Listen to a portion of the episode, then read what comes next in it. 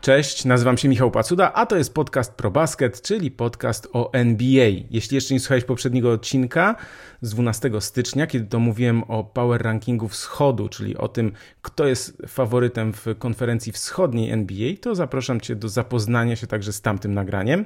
A dziś będę mówił o zachodzie, czyli o tym, kto ma największe szanse na mistrzostwo, kto ma największe szanse na to, aby być jak najwyżej w tabeli w konferencji zachodniej, bo Power Ranking to takie zestawienie mówiące o tym, jak dana drużyna jest silna, silna w danej chwili. To często jest odzwierciedlenie tabeli, ale nie zawsze, dlatego czasem te miejsca mogą się nieco różnić, jeśli chodzi o tabelę i Power Ranking, a to dlatego, że właśnie ten Power Ranking ma mówić też o potencjale i możliwościach drużyny w danej chwili. Jeśli lubicie słuchać podcastów i czytacie ProBasket, to możecie zaprosić mnie i naszych redaktorów na wirtualną kawę. Możecie przelać nam 5, 10, 15 czy więcej złotych. Robi się to przelewem albo blikiem. Nie trzeba się nigdzie logować czy rejestrować. Link znajdziecie w opisie. Kup kawę jest też, jest też dość dobrze widoczny na probasket.pl. Ja dziękuję wszystkim, którzy takiej wpłaty dokonali. To dzięki Wam, wpłacającym, a także tym, którzy odwiedzają ProBasket, czytają nasze newsy, możemy się rozwijać, możemy dalej działać. Ja mogę nagrywać podcasty, także bardzo dziękuję. Dziękuję też za każdy Wasz komentarz pod poprzednim nagraniem. Wiecie lepiej ode mnie, że algorytmy YouTube'a i Spotify'a lubią lajki. Czyli jeśli mogę prosić, to dajcie łapkę w górę, zostawcie komentarz na YouTubie. Dziękuję też za każdą wiadomość przesłaną mailem, czy napisaną w inny sposób na Instagramie i Twitterze. Jeśli ktoś ma ważną sprawę i chciałby do mnie napisać, to naprawdę mail jest najlepszy, bo na wszystkie maile odpisuję. Czasem mi to chwilę zajmuje, ale odpisuję. Redakcja małpa.probasket.pl albo 8 cyferka 8 małpa.probasket.pl. Tam mnie znajdziecie. Też y, jeśli ktoś ma pomysł, żeby gdzieś zagadać mnie na mieście, jak mnie spotka, to proponuję Y, takie hasło, żyrafy wchodzą do szafy, ja wtedy odpowiadam, pawiany wchodzą na ściany, I to jest hasło z rozmów kontrolowanych. Wtedy wiem, że słuchacie podcastu i jest y, zupełnie inny przelot, bo czasem zagadują mnie różne osoby i ja czasem nie wiem do końca, jakie mają intencje. Także jeśli mnie gdzieś zobaczycie na mieście, czasem łatwo mnie dość zobaczyć w charakterystycznym samochodzie, to oczywiście pozdrawiam serdecznie i zachęcam do kontaktu, do wymiany krótkiej yy, krótkich kilku zdań o NBA. Dziękuję też za podzielenie się ze mną waszymi historiami, bo kilka osób do mnie napisało po ostatnim nagraniu. Kilka było dosyć osobistych wiadomości, dlatego zachowuję je dla siebie. No i dziękuję i pozdrawiam was y, serdecznie i cieszę się, że mówiąc w poprzednim nagraniu, mówiąc o książce 4000 tygodni, a także o tym haśle możesz być kim chcesz, że mam poczucie, że mogłem kilku osobom pomóc, wesprzeć je jakoś, tak powiedzieć coś, co one też uważały. I wydaje mi się, że czasem to tak działa, że nawet jeśli ktoś coś mówi, ale właśnie to mieliśmy na, to mieliśmy na, na myśli, ale nie do końca wiedzieliśmy, czy to jest słuszne, ale słyszymy to nagle, jak ktoś inny to mówi, to mam takie wrażenie, że nagle czujemy się sami usłyszani. I myślę, że to jedna z najważniejszych rzeczy na świecie, to mieć poczucie, że jest się słyszanym. Ale dość już o tym. Na kolejne wątki edukacyjno-psychologiczno-filozoficzne e, będzie jeszcze e, czas, ale to musi być po prostu e, wynikać gdzieś z jakiejś potrzeby, czy waszej, jeśli ktoś chciałby do mnie napisać w jakiejś sprawie, czy ja będę miał jakąś coś do przekazania. Nie zawsze to będą takie rzeczy do przekazania, bo ja wiem, to znaczy może inaczej. Ostatnią rzeczą, jaką chciał, to żeby to było nagranie o NBA z wymądrzaniem się, jakimś tam mędrkowaniem. Także dzisiaj zapraszam na Power Ranking Zachodu. Myślę, że wyszło całkiem ciekawe nagranie. Zacznijmy od tego, że moim zdaniem od lat Zachód nie był tak otwarty. Co to znaczy otwarty? Chodzi o to, że nie ma jednego lidera, ani nawet dwóch czy trzech faworytów, takich twardych, murowanych, żelaznych. Tak jak pomyślimy o wschodzie i mówimy Boston Celtics faworyt, Milwaukee Bucks to tak, tak mówią ci, co tak uważają, czyli między innymi ja. Wiele osób mówi Boston Celtics zdecydowany faworyt i jakby jest do tego pełne uprawnienie. Natomiast moim zdaniem dzisiaj można wymienić na zachodzie pięć albo nawet sześć drużyn i stwierdzić, że dwie z nich zagrają w finale konferencji i ominąć te 3 czy 4 pozostałe i w zasadzie nikt nie powinien protestować, wszyscy powinniśmy się zgodzić, że tak, jest to możliwe, no bo słuchajcie, ja robiąc wzorem poprzedniego nagrania, czyli tak patrząc sobie na to takie top 3, potem top 6, czyli te miejsca 4, 5, 6, w zasadzie moim zdaniem powinienem zrobić od razu top 6 i no może top 5, 5, yy, ale ta kolejność, ona się też zmienia ciągle, więc w zasadzie zarówno w tabeli, jak i gdzieś tam w takich myślach ogólnych, bo tak naprawdę można by te drużyny dać no chyba egzekwo, bo, bo Denver Nuggets, Memphis Grizzlies i New Orleans Pelicans moim zdaniem spokojnie można dać na pierwszym miejscu po prostu wszystkie te trzy drużyny. Jeśli miałbym stawiać kolejność, to dzisiaj wybrałbym na pierwszym miejscu Denver Nuggets, to jest tak zwany bezpieczny wybór. Oni od 18 grudnia mają bilans 15-2.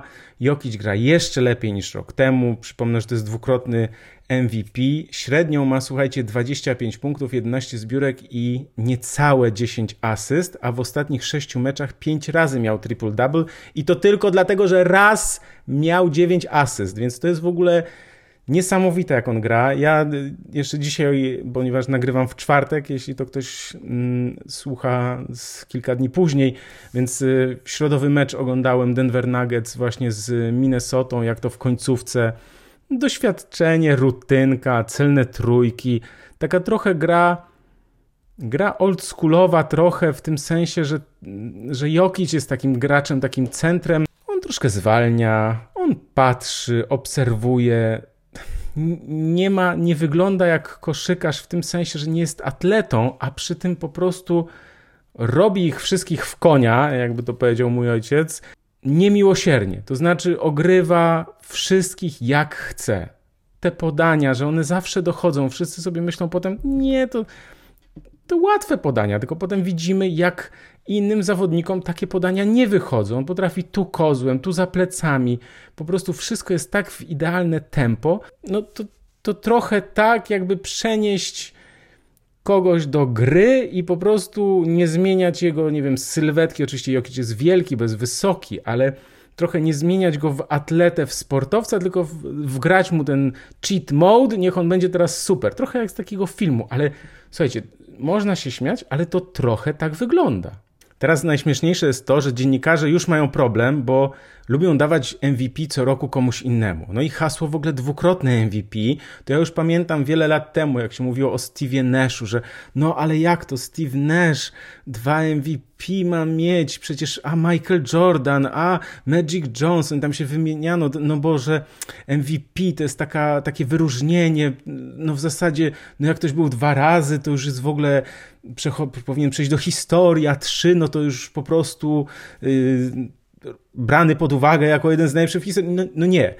Oczywiście to jest tego pewnego rodzaju narracja przez dziennikarzy amerykańskich, że no powinno się gdzieś tam to MVP próbować dawać co roku komuś innemu. Jest jakaś taka tendencja po prostu wśród głosujących, że ten, kto miał w zeszłym roku MVP, no ma trudniej, więc to jakby drugi raz zdobycie MVP jest bardzo trudne.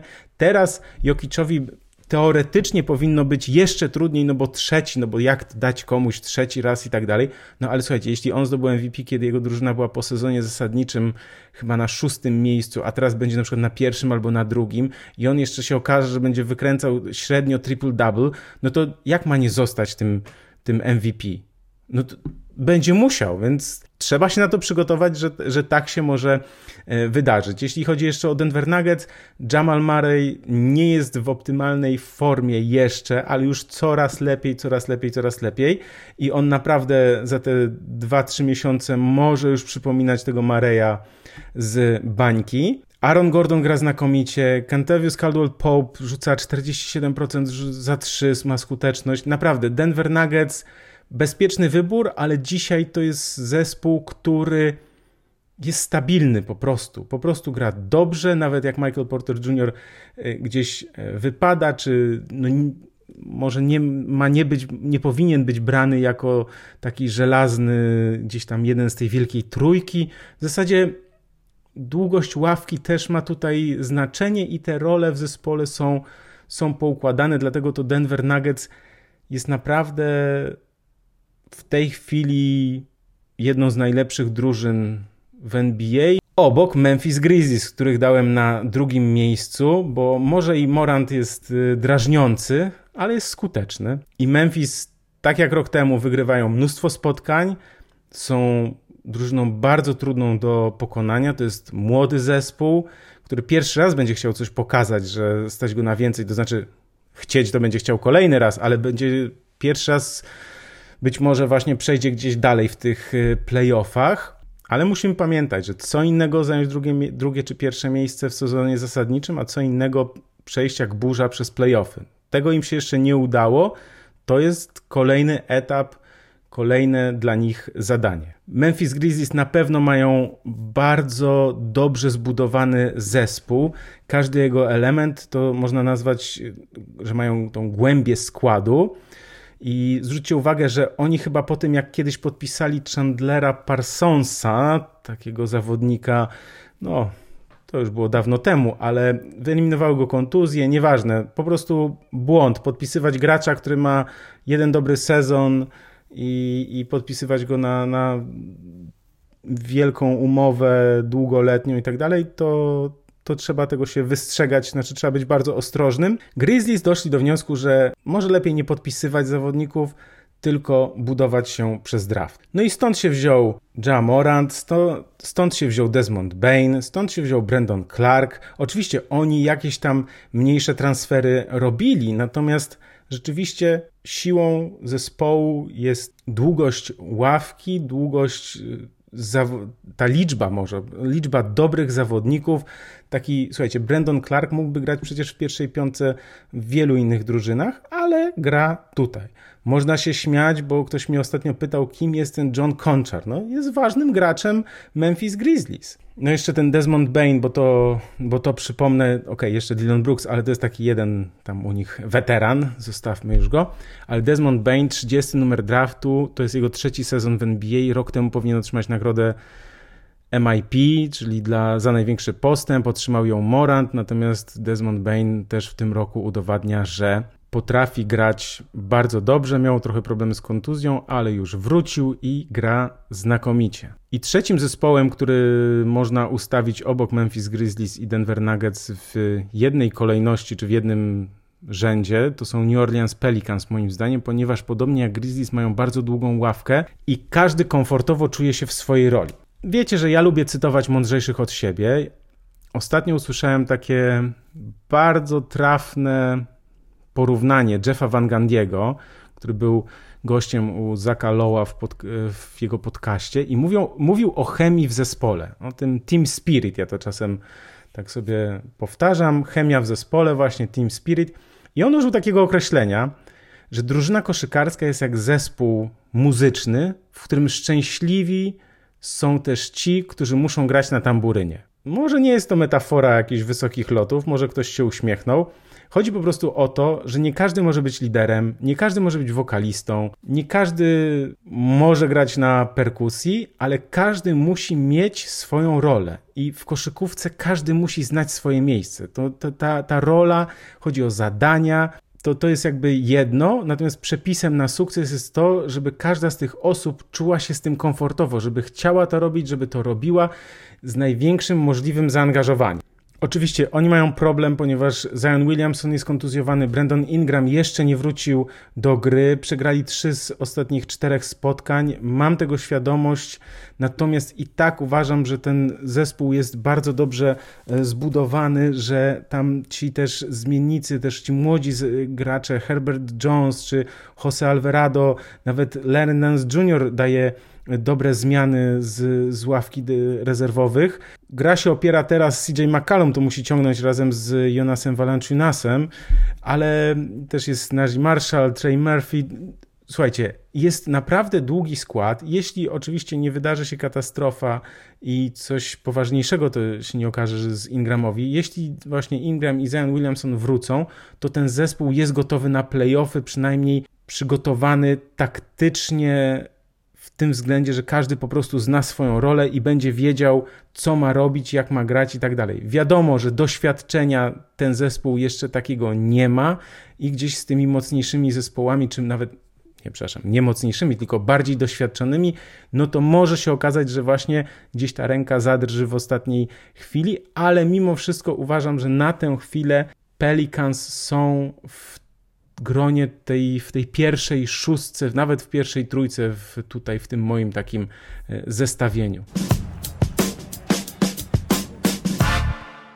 Kolejnymi drużynami i też bardzo trudno, bo wiecie, że to się tak zmienia z dnia na dzień. Ja dlatego sobie tak to robię. Tak, pierwsza trójka, potem druga trójka i te, w tej drugiej trójce ja mam Dallas Mavericks, Sacramento Kings i Golden State Warriors. Dallas Mavericks, jeśli mam powiedzieć, no to oczywiście Luka Doncic, nie będę cytował, jakie on rzeczy wyrabia, jakie cyferki wykręca. Powiem tylko, że jest to sezon MVP, bez dwóch zdań. Natomiast jest on osamotniony i wiemy to już od dłuższego czasu. Dallas Mavericks potrzebują drugiej gwiazdy. Wood i Dinwiddie nie są gwiazdami, więc Zobaczymy, czy przypadkiem Dallas nie wykonają jakichś ruchów, bo ostatnio pojawiła się taka informacja, że Luka Doncic naciska na władze klubu, żeby zrobiły jakieś, dokonały jakiejś zmiany, żeby gdzieś pozyskać jakąś gwiazdę. Oczywiście Mark Cuban wszystkiemu zaprzecza, ale ja myślę, że jeśli pisze o tym dziennikarz ESPN, to jednak gdzieś ma te swoje źródła dobrze sprawdzone i nie jest to wyssane z palca. Dlatego uważam, że Mavs muszą się wzmocnić. No i wiecie, Doncic wykręca niesamowite cyferki i liczby, natomiast y, no nie wiem, czy da się grać tak całe playoffy. Wiemy, że może to być trudne, dlatego właśnie potrzebuje wsparcia, wzmocnienia. Sacramento Kings to jest zespół, któremu ja bardzo kibicuję, ponieważ no, życzę im, żeby w końcu awansowali do tych playoffów. To jest zespół, który gdzieś miał pecha przez lata do, jak nie do trenera, to do właściciela i tak dalej. Potem też do paru zawodników miał pecha. Gdzieś te błędy były, były popełniane dosyć duże, natomiast teraz Mike Brown wziął to wszystko w garść, poukładał, wykonał znakomitą pracę. No i słuchajcie, wiecie, kto rzuca najwięcej punktów średnio w całej NBA? Oczywiście, są to Sacramento Kings, średnia 120 punktów na mecz. Teraz zajmują w czwartek, akurat dzisiaj, zajmują, słuchajcie, trzecie miejsce. Już awansowali po tym, jak wygrali z Lakers, awansowali na trzecie miejsce w ogóle w konferencji zachodniej. Moim zdaniem Sabonis powinien być w meczu gwiazd, Diaron Fox w ogóle też. Huerter jest rewelacyjnym strzelcem, snajperem, okrutnym, powinien wystąpić w konkursie rzutów za trzy punkty. To byłoby coś super. I tak się zastanawiam, nie wiem, czy tu trzeba coś zmieniać. To znaczy, trzeba raczej pilnować, żeby się nie schrzaniło, bo wiecie, jak to jest. Mecz gwiazd to moment przełomowy dla wielu drużyn. I jedni zaliczą wyraźny spadek, inni zwyżkę. No i teraz trzeba się skupić na tym, żeby Sacramento Kings nie zaliczyli spadku, po prostu, żeby tam coś, jak to się mówi kolokwialnie, nie siadło. Golden State Warriors muszą zdecydować, co dalej zrobić z, Jason, z Jamesem Wisemanem, to znaczy, czy go zatrzymać w składzie, czy go wytransferować, ponieważ e, potrzebują wzmocnienia w strefie podkoszowej, a trzymanie Wisemana na ławce, dawanie mu czasu, żeby się ogrywał, zdobywał doświadczenie i tak dalej, moim zdaniem to nie ma sensu w tym, w tym sensie, że to po prostu nie jest ten czas. Warriors nie mogą sobie pozwolić na to, aby czekać kolejny rok czy dwa na to, aż Wiseman nauczy się pewnego systemu, rozwinie się i tak dalej. Oni potrzebują graczy gotowych do gry tu i teraz i to jest tak naprawdę ich największy problem, ponieważ w poprzednich latach zawsze, jeszcze jak był Sean Livingston, jak był Andrew, Andrew Iguodala w dobrej formie, jak y, rok temu był Otto Porter, czy Gary Payton II, czy nawet Niemania Bielica, oni potrafili dać dobrą zmianę, a to jest bardzo ważne, bo tak jak mówiłem tydzień temu, weteran ma by dać dobrą zmianę, nie musi codziennie, musi w ważnym, decydującym momencie być i no może nawet w niektórych meczach grać, ale w, w playoffach też zwłaszcza jego wartość wzrośnie. No, musi dawać dobre zmiany, być takim, być wsparciem dla liderów i też jak nie idzie, to dać taki sygnał do ataku. Pamiętamy, że wiele meczów w playoffach, takich, które decydowały potem, na przykład nawet gdzieś ten piąty mecz czasem jest taki, albo czwarty w serii w playoffach, że y, jest taki, następuje przełamanie i często gdzieś takimi zawodnikami, którzy wspierali swoje drużyny, którzy byli bardzo, ważnym, bardzo ważnymi graczami w tym meczu to są gdzieś właśnie tacy weterani, tak? Więc jakby Warriors potrzebują tych weteranów także w, dlatego, że no, ich liderzy często gdzieś muszą, y, no nie grają z powodu kontuzji. Steph Curry teraz miał uraz, Andrew Wiggins wraca też po, dłuższym, po dłuższej przerwie, Clay odpoczywa w tych, nie gra w meczach y, dzień po dniu. Golden State Warriors mogą być sporym rozczarowaniem, jeśli mówimy, jeśli myślimy o nich jako o mistrzach NBA, natomiast no to jest trochę takie też zderzenie z rzeczywistością, ponieważ Golden State Warriors nie byli tak dobrą drużyną rok temu, to znaczy zdobyli mistrzostwo, ale oni nie byli tym hegemonem, tym takim dominatorem, który terminatorem może nawet, który przez lata był w najlepszą drużyną w całej NBA i nikt na tym zachodzie nie mógł ich przejść. Oni w zeszłym roku trochę moim zdaniem wykorzystali słabość innych drużyn i też kilka kontuzji było w kilku zespołach i dzięki temu im się udało po prostu do tego finału wejść, a tam doświadczeniem po prostu znakomitą oczywiście grą Stefa Karego, ale w bardzo dużej mierze też po prostu poukładanym zespołem, byli poukładanym zespołem, no i, i to doświadczenie wzięło po prostu górę i zdobyli mistrzostwo. Teraz już tak łatwo nie będzie, bo są zespoły po prostu wybiegane z młodszymi zawodnikami, którzy już kolejne doświadczenie zebrali i oni będą chcieli walczyć z nimi, nie będą się bali już Golden State Warriors. Takie mam poczucie. Czyli podsumowując, Warriors muszą znaleźć kogoś, kto kto wzmocni strefę podkoszową. Wydaje mi się, James Wiseman nie jest takim zawodnikiem. Może środkowy Spurs, Jakub Peltol być takim graczem, ponieważ y, Warriors z podkosza mają trzeci najgorszy wynik w całej NBA, ale to nawet nie jest problem, jeśli się trafia dużo z dystansu, prawda? Ale problem jest taki, że w momencie, kiedy zawodnik podkoszowy nie jest zagrożeniem, to ten obrońca drużyny przeciwnej może pomagać przy Stefie czy przy Kleju na obwodzie. I to jest też problem. Jeśli poprawią defensywę i zajmą na przykład szóste miejsce, to każda z drużyn, który spotka się, która spotka się z nimi w pierwszej rundzie, mimo że będzie wyżej rozstawioną, to na pewno nie będzie z tego faktu zadowolona i na pewno tam najlepszym może ręka zadrżeć.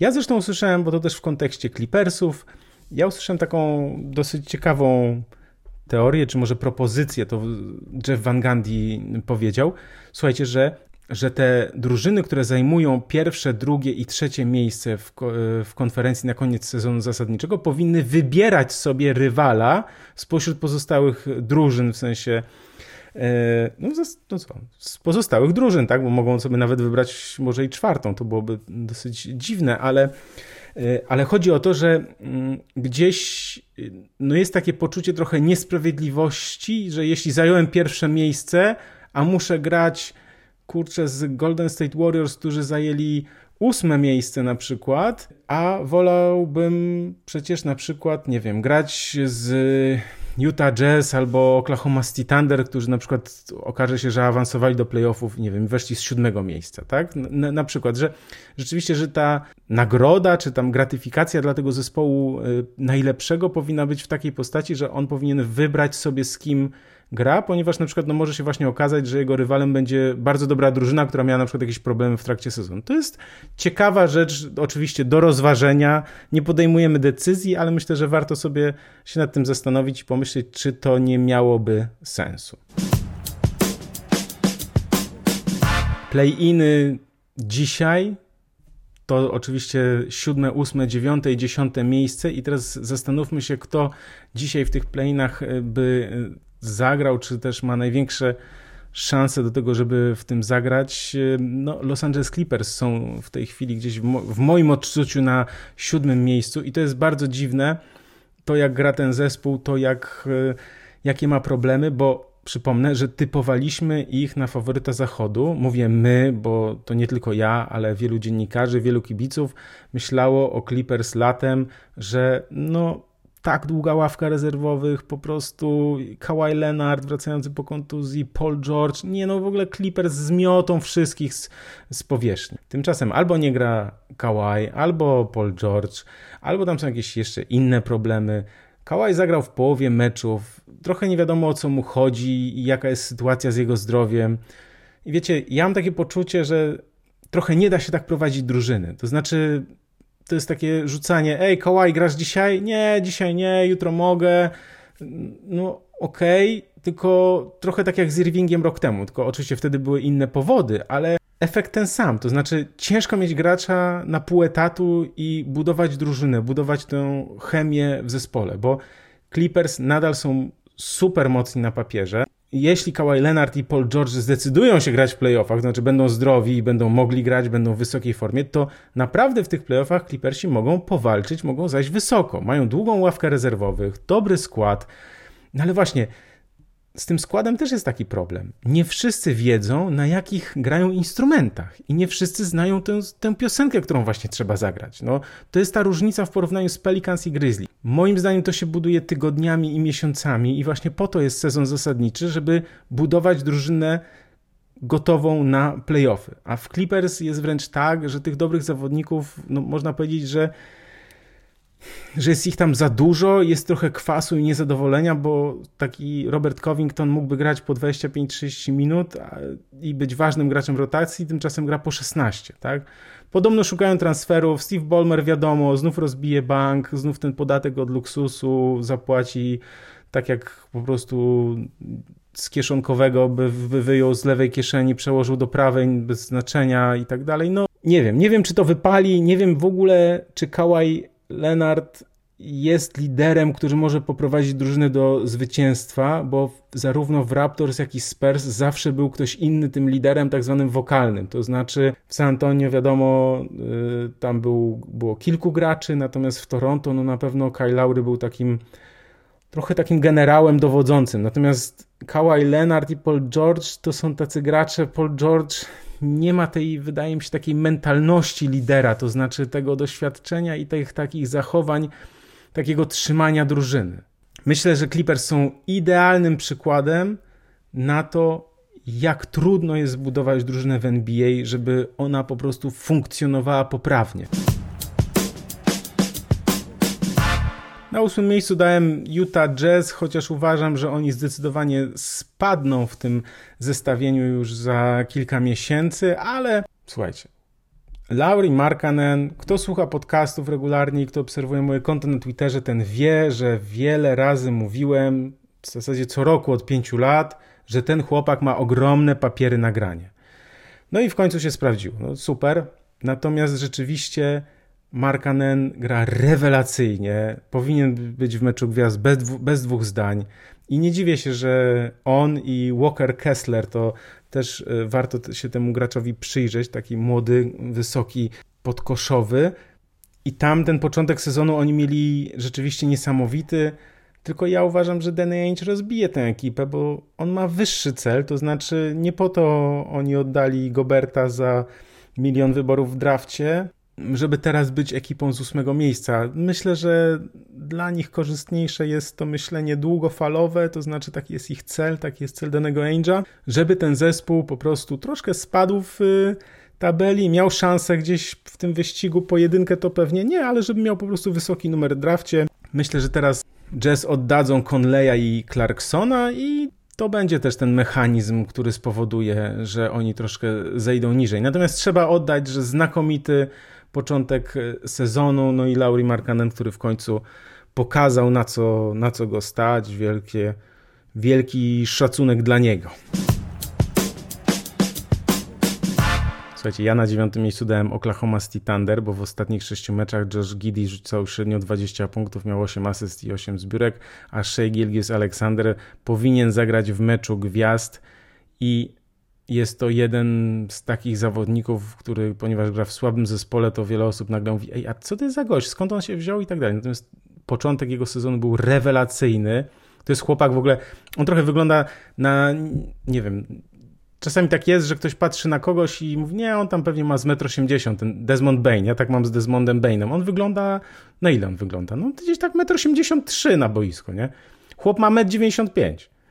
Shea Gilgius Alexander ma 1,98 m, więc w ogóle jeszcze ma rozpiętość ramion 211. To jest no, kuriozum w sensie takim, że to jest. Y, no, zachwiane są te proporcje ciała, no ale dzięki temu no, wiemy, że w koszykówce duża rozpiętość ramion to po prostu jest bardzo duży plus. Oklahoma City Thunder pewnie gdzieś będzie niżej na koniec sezonu, natomiast no, trzeba im oddać, że ten początek, ta pierwsza połowa sezonu bardzo udana i Shea pokazuje, że no co, myślę, że za kilka lat jedna z większych gwiazd NBA, no bo, no bo czemu nie? Na dziesiątym miejscu dałem Phoenix Suns. Znacie moje zdanie, bo ja już od pięciu, pięć lat temu mówiłem, że Chris Paul nie da rady. Troszkę się pospieszyłem i to jest oczywiście mój błąd, bo on dawał radę przez te kolejne lata, natomiast no już teraz dziś dochodzimy do, do pewnej y, ściany.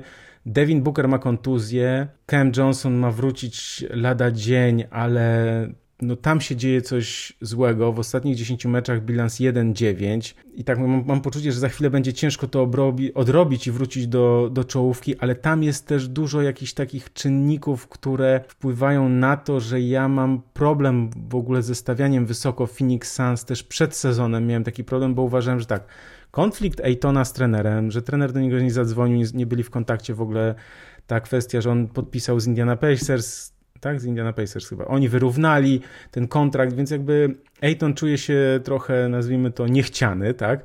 Nastąpiła zmiana właściciela, jest zamieszanie z Jay Crowderem, który nie gra od początku sezonu, bo nie chciał być zmiennikiem, a oni powiedzieli, żeby odpoczywał i poszukają dla niego transferu.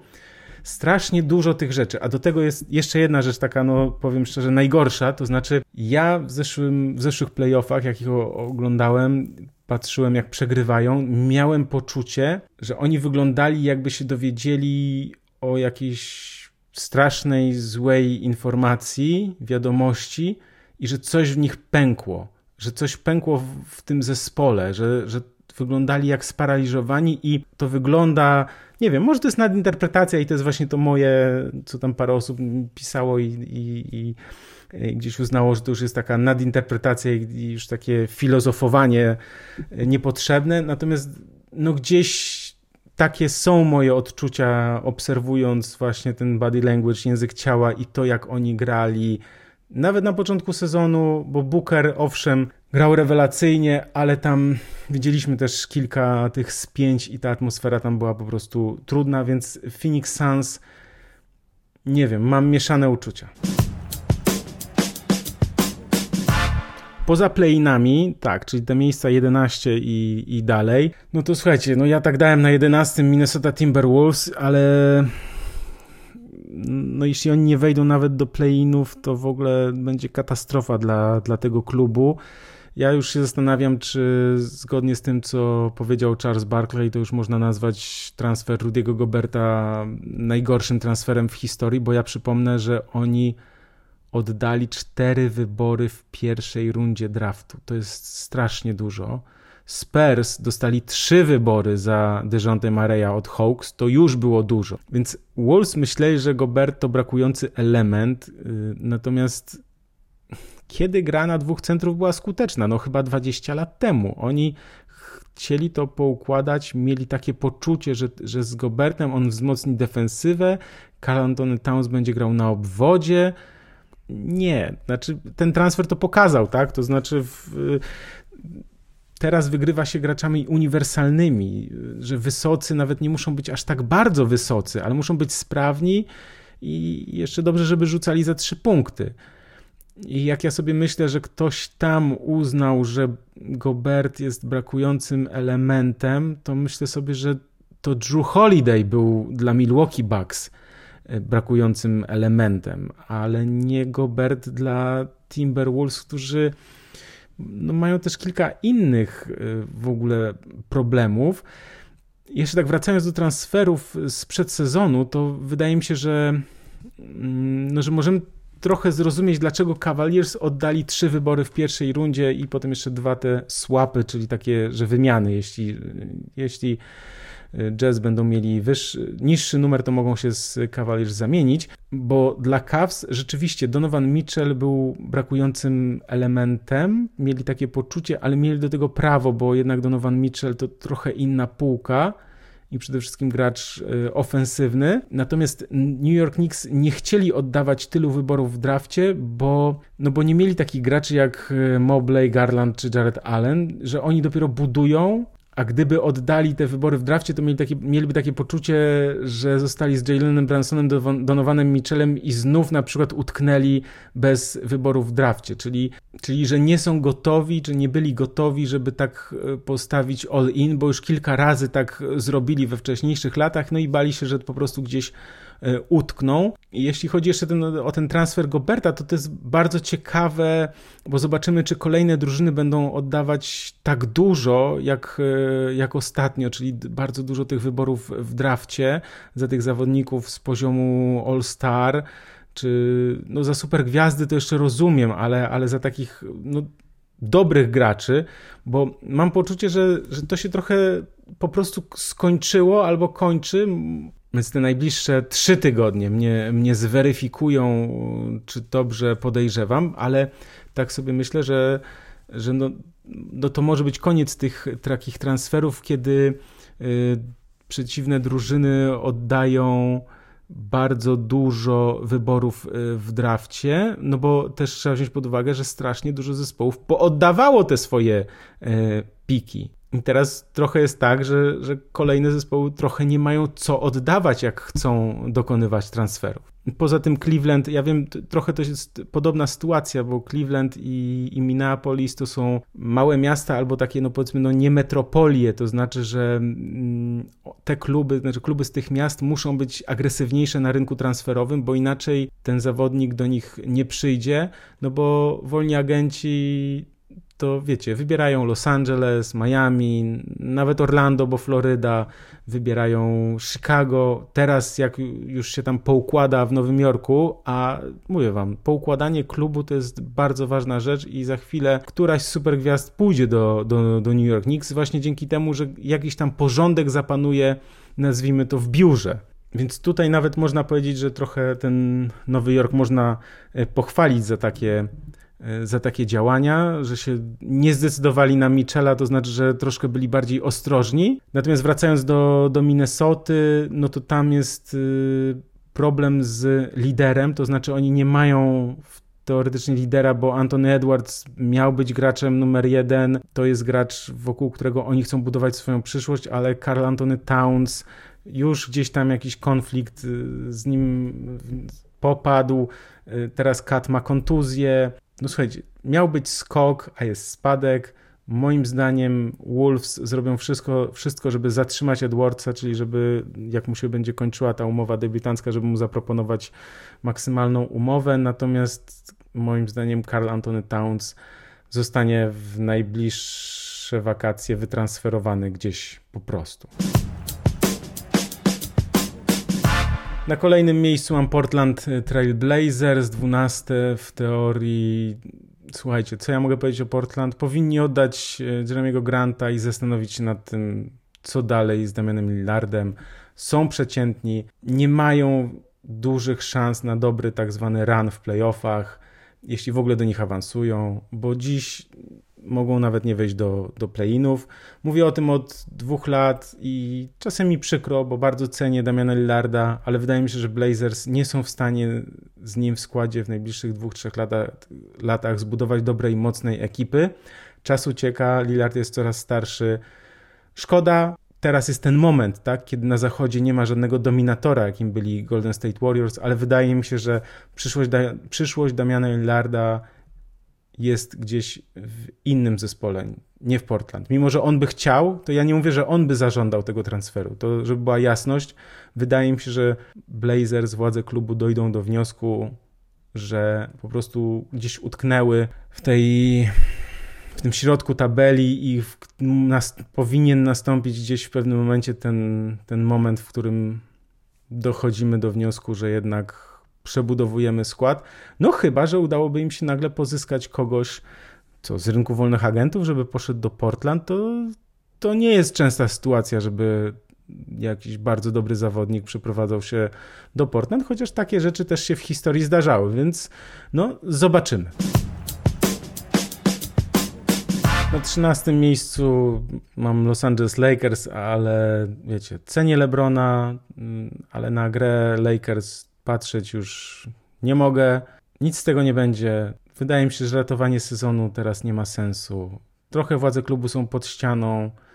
Natomiast y, ja chyba bym to odpuścił, myślał o przyszłości, co po Lebronie i cieszył się z tego, że jeden z najlepszych zawodników NBA w historii gra w moim klubie i będzie dominował tutaj na parkiecie, niekoniecznie przynosząc zwycięstwa, ale robiąc wielkie show. Ja mówiłem o Los Angeles Lakers tydzień temu, więc jeśli ktoś chce mm, posłuchać, to go odsyłam po prostu do tamtego nagrania. No i też na podstawie tamtych notatek powiedziałem, opowiedziałem o, przepraszam, nie, nie opowiedziałem, tylko na podstawie tych notatek napisałem artykuł o Los Angeles Lakers i on też jest na ProBaskecie i on też znajdzie się w opisie tego filmu, jakby ktoś chciał kliknąć, więc ja już o Lakers drugi raz y, nie będę mówił. Czy uważam, że dokonają transferu Russella Westbrooka. To będzie ruch desperacki, natomiast mam cały czas wątpliwości, czy oni w ogóle wykonają jakikolwiek ruch, czy, czy nie pójdą tą drogą, o którym mówię, że po prostu myśleć o przyszłości, e, o tym, co będzie za kilka lat też, jak pozyskać zawodnika, który też przejmie, nazwijmy to, e, schedę po Lebronie w, e, w Lakers, czyli jak pozyskać jeszcze jedną z gwiazd, no a do tego trzeba mieć pieniądze, do tego trzeba mieć miejsce w salary cap, a więc latem jak kontrakt Westbrooka się skończy, no to może wtedy, może wtedy po prostu spróbować kogoś przekonać do gry w Lakers. Następni są San Antonio Spurs.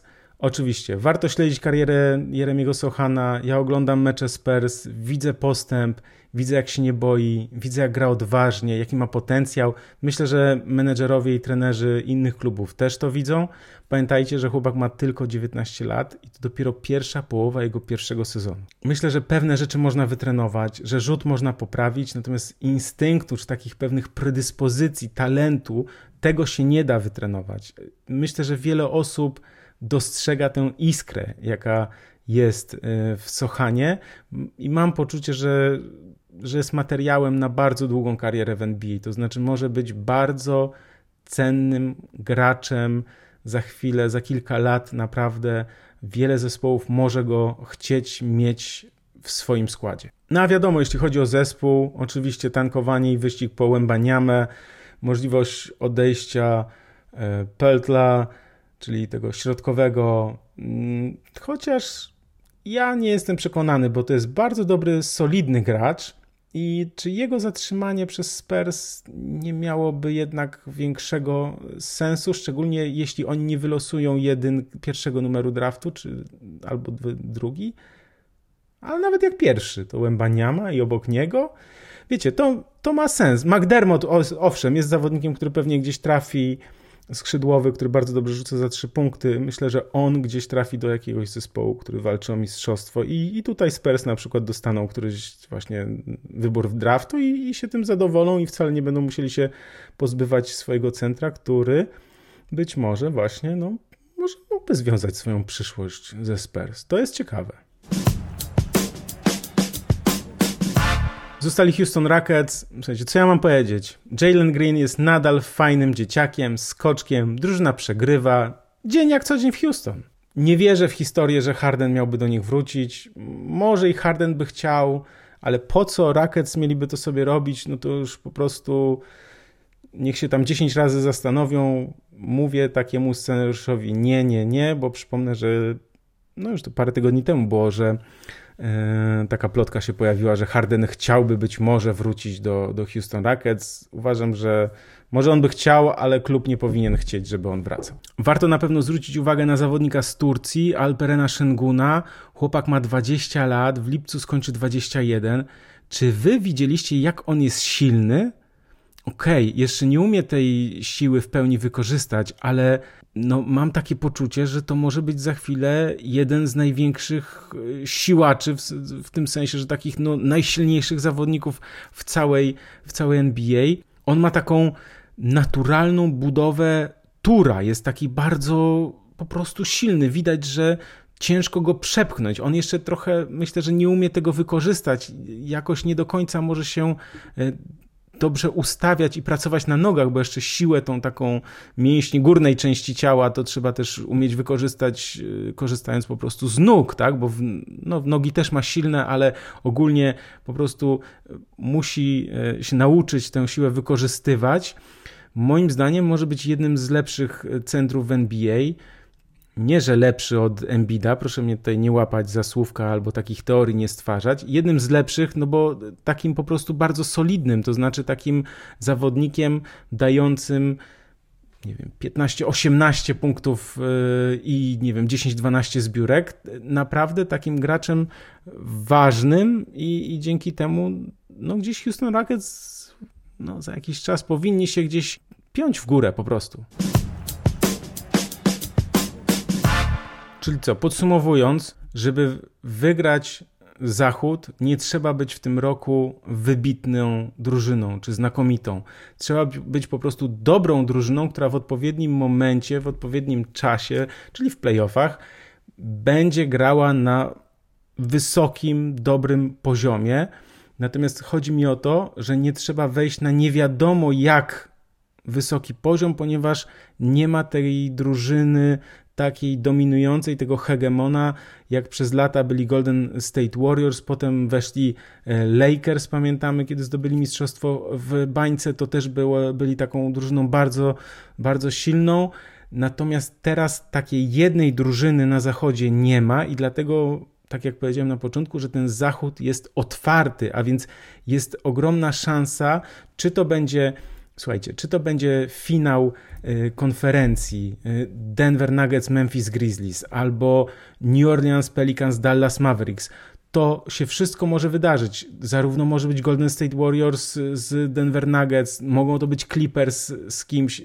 Tak, te wszystkie scenariusze są możliwe i żaden z nich nie jest, nazwijmy to tak, bardzo daleki od tego, jakbyśmy na przykład mówili o, o wschodzie, no to zakładamy, że jednak Boston i Milwaukee to są zespoły, które szczególnie Boston to jest zespół, który powinien zagrać przynajmniej w finale konferencji, prawda? Natomiast na zachodzie jest zupełnie inaczej i tam się wszystko może powywracać, wszystko może się naprawdę pozmieniać. Też szczególnie, że Golden State Warriors i Los Angeles Clippers wcale nie muszą być w tej czołówce, a mogą być na przykład się okaże, że w tej drugiej części sezonu zdecydowanie silniejsze niż są teraz i okaże się, że te zespoły wyżej rozstawione wcale nie będą faworytami nawet już w pierwszej rundzie draftu, nie draftu, przepraszam, tylko w pierwszej rundzie playoffów. No ale zobaczymy. I to by było na tyle. Dziękuję, że mogłem z Wami się podzielić tym, co ostatnio usłyszałem, przeczytałem, obejrzałem i to, co sobie pomyślałem o NBA. Te zestawienia Power Ranking Wschodu sprzed tygodnia i ten Zachodu to nie są łatwe rzeczy. Wiem, że nie wszystkim drużynom poświęciłem tyle czasu, ile pewnie kilka osób by chciało, pewnie kilku drużynom za mało. Może też coś było y, błędnego, więc jeśli chcecie napisać w komentarzu, możecie też napisać do mnie maila. Proszę pamiętajcie o tym, że łapka w górę też e, mile widziana, te lajki. Jeśli też macie jakieś pytanie, można do mnie pisać śmiało. Może też macie coś takiego, że się nie zgadzacie z jakimś stwierdzeniem, albo chcielibyście na przykład, żebym ja się ustosunkował do jakiejś waszej teorii, to też bardzo proszę, można do mnie napisać. No i oczywiście przypominam, że jeśli spodobał się wam ten odcinek, to możecie postawić mi wirtualną kawę. Możecie też polecić podcast swoim znajomym. To jest coś, co nie kosztuje nic, w sensie takim, że nie kosztuje pieniążków, a będzie to bardzo duże dla mnie wyróżnienie, jeśli po prostu w swoich mediach społecznościowych powiecie, napiszecie dobry podcast NBA, polecam, warto posłuchać. Jeśli tak uznacie, bardzo dziękuję. Dziękuję, że spędziliście ze mną ten czas, że mogliśmy razem udać się w podróż po świecie NBA. Do zobaczenia, do usłyszenia już w kolejny czwartek.